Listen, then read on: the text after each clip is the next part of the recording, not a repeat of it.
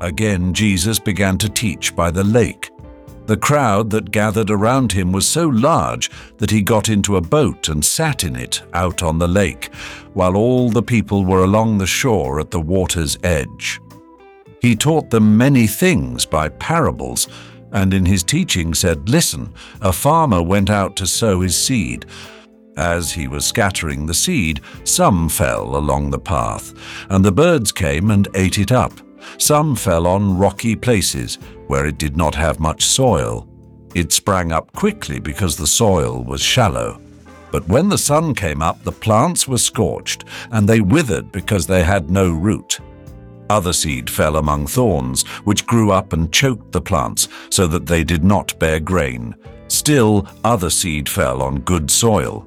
It came up, grew, and produced a crop, some multiplying thirty, some sixty, some a hundred times.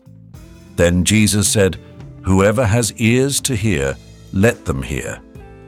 When he was alone, the twelve and the others around him asked him about the parables. He told them, The secret of the kingdom of God has been given to you. But to those on the outside, everything is said in parables, so that they may be ever seeing but never perceiving, and ever hearing but never understanding.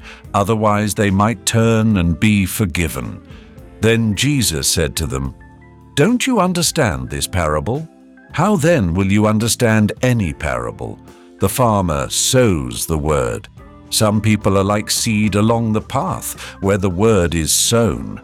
As soon as they hear it, Satan comes and takes away the word that was sown in them. Others, like seed sown on rocky places, hear the word and at once receive it with joy. But since they have no root, they last only a short time. When trouble or persecution comes because of the word, they quickly fall away. Still others, like seeds sown among thorns, hear the word. But the worries of this life, the deceitfulness of wealth, and the desires for other things come in and choke the word, making it unfruitful. Others, like seed sown on good soil, hear the word, accept it, and produce a crop, some thirty, some sixty, some a hundred times what was sown.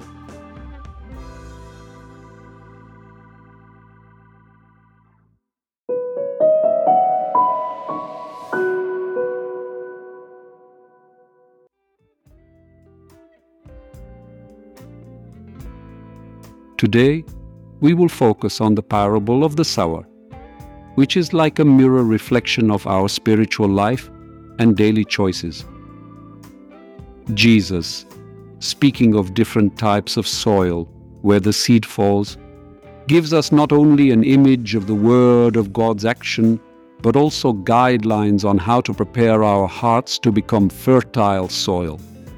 How often in our busy lives do we forget about depth focusing on the superficial.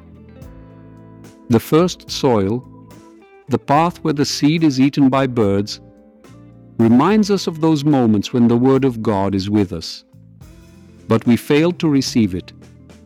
It could be due to a lack of understanding, confusion in our minds, or excessive focus on daily worries. It's like trying to understand it amidst other duties, on the way to work, in the queue at the supermarket. The Word of God requires our full attention, not just a fleeting glance during a break from daily activities.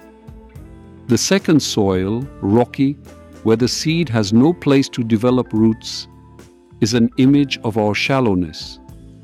Often we accept the Word with enthusiasm but lack perseverance. When difficulties come, our faith quickly fades. It's like New Year's resolutions which we undertake with enthusiasm but abandon at the first sign of trouble. Our faith requires constancy, not just fleeting zeal. The third soil, full of thorns, serves as a reminder that the cares of the world and the allure of wealth can drown out the Word of God in our lives. It's like striving for the perfect image of a happy life, which often turns out to be empty and unfulfilled lacking spiritual depth and love. How easily we let our daily worries and desires overshadow God's voice. We should learn to distinguish what is essential from fleeting pleasures and concerns. Finally, the fourth soil, good and fertile, symbolizes an open heart that receives the Word of God and allows it to yield a rich harvest. It is a heart that listens, understands, and implements the teachings of Christ. It is the ability to find peace, meaning, and balance in daily life, despite its chaos. It is a heart that truly listens to the Word of God, allowing it to shape our lives. In a world full of incessant activities and pressures, this parable is a reminder of what is truly important. May it help us create in our hearts a place where the Word of God can take deep root and yield a rich harvest. Do we allow our daily choices, our words, and deeds to reflect a deep faith and trust in our Lord?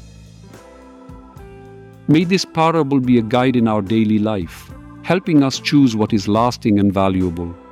May God bless us all. Amen.